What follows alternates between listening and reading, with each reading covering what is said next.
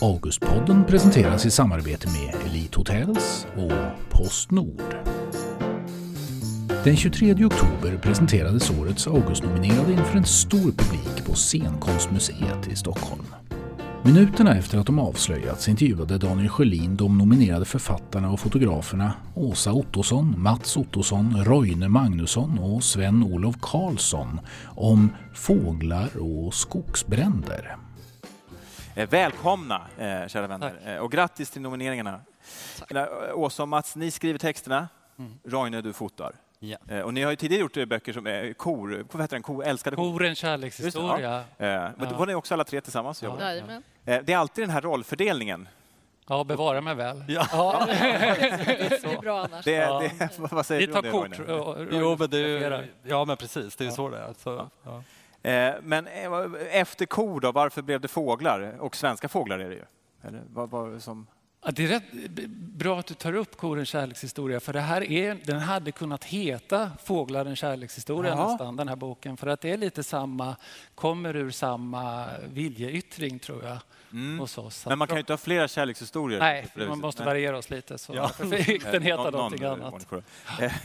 Eh, Men eh, det, det är ju liksom eh, bilder på våra vanligaste frågor, men är en fantastiskt detaljerade. Jag tror att, och det här är ju, jäklar, är det en blåmes eller talgoxe? Blåmes. Det är blåmes. Ja, det är blåmes. Ja. Ja.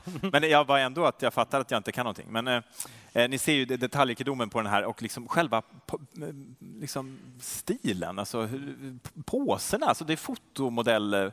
Eller det är liksom, liksom eh, vad, vad är det, hur, ja, hur går det här till egentligen? För det här är inte den enda fågeln som krumbuktar sig på Nej. ett fantastiskt Nej, vis. Det är nästan som en ballettparad ibland. Ja, men lite så. Och det är väl det som har varit målet på något sätt, att få fåglarna att posa och visa sin karaktär så mycket det går. För tar man bort all natur och bara har vita och svart, svarta bakgrunder så måste de ju verkligen visa upp sig. Och det, har varit målet med fotograferingen kan man säga. Och visa deras enorma vack de är så vackra så det är inte klokt. Liksom. Men, för att jag tog bort all, all bakgrund, alltså hur, men hur, hur visar de upp sig mera då? Liksom? Ja, Hur alltså? Det är vikt, ja, hur man går tillväga och Ja. tar bilderna, det är så att jag har varit på fågelstationer runt om i Sverige. Och då ringmärker man fåglarna för eh, ja, forskning kan man säga. Du är ringmärkare också? Ja, lite sådär smått. Men, men jag har lånat fåglarna då en väldigt kort stund och, och fotograferat dem i en studiomiljö med blixtar och sådär. Så du har tagit in dem i en studio? Ja, kan man säga. Mm. Är du chockad? Och, nej, ja, ja, lite sådär. Okej, men, men, okej, ta in dem i en studio, det kan, det kan, det, det kan man göra. Men Ja. hur får man dem då liksom att Ja, leverera framför kameran? Ja, det är Alltså, svårt att snacka med dem alltså. Det är jättesvårt. men man kan inte bara... Faktum är att det är så att eh, vissa individer, om vi nu snackar blåmes som är på omslaget, så vissa individer funkar inte, de eh, är liksom inte så där eleganta som den som vart på omslaget. Men helt plötsligt får man en som funkar och då satt den där. eh, Så fint kan det bli. Och, och, så binds de här eh, fotografierna samman av, av texter och då är det en stor text, den är liksom väldigt poetisk, eh, binder samman biologi eh, och poesi kan man säga och fåglar. Och sen är det liksom att varje fågel liksom har en egen personlighet på något sätt har ni Mm. på något sätt hittat. Eh, Gärdsmygen tydligen också. Eh, Men var det någon fågel som var väldigt svår att hitta personligheten i som, som art? nej, Inte? alls. Nej, nej, alltså vi har ju varit ute efter att försöka förklara varför just fåglar har sån speciell, alltså varför så många människor har en så speciell relation till just fåglar. Det är någonting ja. speciellt som gör att de väcker många varma känslor. Att hundratusentals människor har fågelmatning. Nu pratar jag inte om fågelskådare som försöker se så många sällsynta fåglar som möjligt. Utan slags alla, alla ja. vi som matar fåglar utanför köksfönstret och tycker det är jättefint och berörande när en talgoxe kommer och liksom knackar på rutan och säger att nu är det dags för lite mer mat. Ja, vad, vad, vad är det då? För att jag tillhör inte dem. Nej, nej. Det, det, har alltid undrat. Eh, För, menar, och litteraturen är ju inte min, både poesin och alltså, fågeln har ju en given plats. Ja, många, många otroligt många bland fågelskådare ovanligt hög halt Ja. författare. Liksom. Men, men, men vad, vad, vad beror det på? Vad? Den närheten. Jag tror det beror på att de vet att de har vingar och de vet att inte vi har det, så att de vågar komma nära. Alltså om man jämför med lodjur och vargar och andra Ja, djur ja. som fascinerar många människor så, så kan man leva ett helt liv utan att se dem i verkligheten. Men fåglarna finns där hela tiden. Ja, och nästan alla har ju en relation till fåglar på något sätt. Jag är säker på att du någon gång när du har gått hem från en fest sent en kväll så där, på försommaren så har du hört en kol, koltrast som har suttit och sjungit högt upp på någon. Alltså jag har vaknat efter en fest och, och ätit frukost och känt mig iakttagen och har suttit liksom sju korpar eller vad det är utan och tittat med sina så här skräcködleögon. Man ser ju att de är släkt med dinosaurierna. De är hemska tycker jag. Ja. Men, eh, förlåt mig, ja, nej, men jag förstår vad du menar. Men alltså, grejen, helst ja. så, så kan man ju ha en, en eh, nära relation till fåglar oavsett om man bor på landsbygden, om man bor ute i, i, i, mera i vildmark och så, men också om man bor i stan. De finns ju här överallt runt omkring oss om vi bara ser dem. Nej, men precis, men jag tänkte, jag, jag Och skojar lite mer. För det. det. som får mig när jag, titt, när jag börjar läsa boken är just att jag har ju inte sett, liksom, förstår ni vad jag menar? Jag har Ja. inte tittat på Precis. dem. Eh, Men det är meningen att du ska göra när du väl har Ja, tittat så på det det Och på. jag som har varit intresserad av fåglar hela mitt liv ser dem också på ett nytt sätt nu. När- Jag tror jag måste ha sett 10 000 bofinkshanar. Men det var inte förrän jag såg Roines bild på bofinkshanen som jag hajade hur otroligt vacker den är. Så att det, det fin, ja. Den, den men lyckas ta fram magin. Välkommen Sven-Olof Karlsson. Eh, eh, senaste gången i augustsammanhang var du nominerad för romanen Porslinsfasaderna 2013. Var det? Eh, eh, nu är Brandvakten nominerad i fackboksklassen. Eh, du har liksom flyttat bara sådär över Ja, staketet. ämnet krävde en annan klass. Det gjorde det. Och Ja. Vad var det för ämne? Det här handlar ju om, om branden i Västmanland 2014 som du hade en speciell, eller fick, vare sig du ville inte, en, en ganska särskild relation till, eller hur?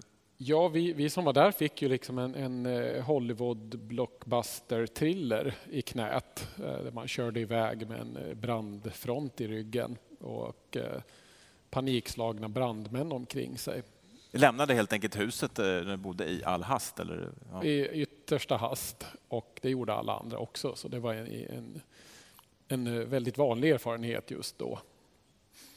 Eh, och här porträtterar du människor som levde där och arbetade, både också arbetade i skogen och som, som, som kämpade helt enkelt med dag som natt både rädda sig själva och varandra och varandras egendom. Eh, eh, men du sätter också in den här branden i ett större sammanhang, ekonomiska sammanhang och klimatförändringar. Hur, hur, hur hör de här sakerna ihop? Ja, all, allt hör ihop. Det startar alltid en massa skogsbränder ute i skogen eh, och de brukar inte bli så farliga eh, för man lyckas släcka dem eller de slocknar av sig själva. Och den här, eh, det här var en sån olycka från början som dock fick en väldig fart för eh, ja, Det var torrt som verkligen det var alltså, onaturligt torrt eh, och de som bekämpade branden hade inte lärt sig att, att förutse hur den skulle bete sig. Och eh, när jag tittade på ämnet efteråt så, så upptäckte jag att eh, den här typen av, av väldigt eh, extrema, snabba, oförutsägbara bränder blir allt vanligare världen över. Så det är en, ett, ett litet spröt på den här stora klimatförändringen som vi befinner oss i. Och den ekonomiska sidan av det, vad, det finns två sorters ekonomi. Dels att det här blev jättedyrt. Den kostar två miljarder allt i allt ungefär och, och eh, kommer att fortsätta kosta pengar. tog ett år att släcka den rent formellt eller var det inte så? Den slocknar först när den vill slockna själv. Inte ens eh, vattenbombare kan släcka en sån här brand. Den går så länge den kan. Sen så vi bestämmer ingenting över den. Eh, Och den startade också av, av ren snålhet, liksom av ett skogsbolag som inte ville betala ersättning vid torr väderlek och av kommuner som snålade på räddningstjänsten. Eh, Jag läste en, del forsk- en viss forskning som föreslog just att eh, det, det var tämjandet av eld där människan liksom reste sig, vad man kallar för, om man nu tycker att vi rest oss över djuren. Vi fick eh, kunna äta näringsrikare mat som gjorde att våra hjärnor utvecklades och vår stora kronjuvel i vårt tänkande uppstod, nämligen kausalitetstänkandet. Alltså att man förstår att gör jag si så händer så, så händer så. Alltså, samlar jag nötter kan jag bo här där det är kallt på vintern. Eh, och nu har, och så tycker vi att vi med det här tänkandet har tagit kontroll över världen verkligen och stoppat in elden till exempel i maskiner som vi kan kontrollera. Tycker du att, har vi kontroll över elden? Vad säger ni allihopa? Nej, alltså klimatförändringen är ju en följd av de här förbränningsmotorerna som också är eld i grund och botten. Så att det kan man väl säga att eh, har vi inte i så fall. Nej, alltså vi har ju inte kontroll över, över skyfall eller orkaner eller tyfoner. Men till, till skillnad från alla sådana händelser så kan vi starta en skogsbrand eller en stor megabrand. Så på så sätt vi har kontrollen så att vi kan starta eländet men vi kan inte stoppa det sen. Eh, och eh, bränder bidrar väldigt mycket till den globala uppvärmningen. Och till skillnad ifrån kraftverk eller bilmotorer så finns det ingen stoppknapp.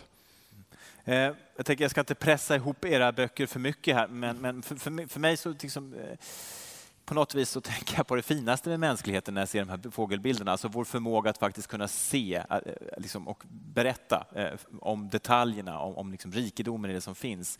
Och å andra sidan då det här haveriet egentligen, bristen på konsekvenstänkande egentligen någonstans. Jag måste fråga er, liksom, är, är ni optimister eller pessimister när det kommer till människans plats i naturen och naturen? Det är svårt alltså. Jag, jo, men jag vill vara optimist ändå. Eh, och jag hoppas att, eh, då att böcker som de här ändå ska, ja, men ska ta, angripa delar från olika håll. Alltså vi jobbar ju med våra böcker för att på något sätt ja, knyta samman människa och natur. Det är mycket, mycket det som vi tänker på något sätt, bygga broar, visa på att det här har vi. Alltså vi, har, vi är natur. Vi har hemma där. Vi ska vara rädda om den naturen. Och det ingår ju också då att tänka sig för när det gäller de här klimatförändringarna, när det gäller eh, ja, bränder. Var försiktig. Nå någon som inte håller med? Hörrni, tack så mycket för att ni kom hit. Mm. Tack så mycket. Tack så mycket. Augustpodden presenteras i samarbete med Elite Hotels och Postnord.